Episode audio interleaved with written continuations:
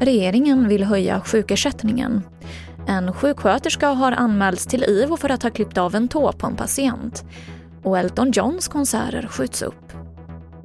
TV4-nyheterna börjar med att regeringen föreslår ökade satsningar på 2 miljarder kronor under nästa år för att förstärka sjuk och aktivitetsersättningen. På en pressträff tidigare idag så presenterades bland annat förslag om att höja underhållsstödet till ensamstående föräldrar med barn i åldrarna 7 till 10. Och dessutom så ska rätten till personlig assistans stärkas.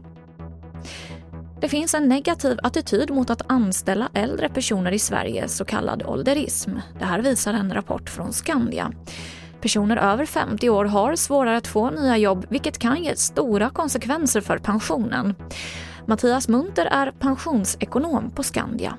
Alltså ju tidigare du går i pension desto mindre har du att leva på varje månad. Så det blir ganska snabbt tusenlappar vi pratar om varje månad att leva för. Så att, att, att kunna jobba längre och att ha möjligheten att jobba längre det är en, en nyckelfaktor för att vi ska få bra pensioner.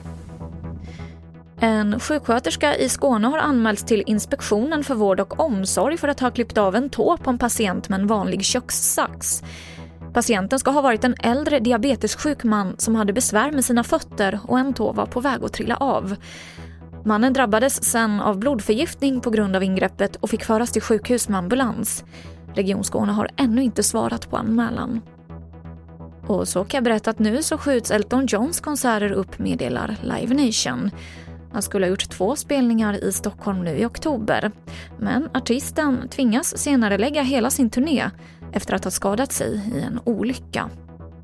Och det här var det senaste från TV4 Nyheterna. Jag heter Emily Olsson.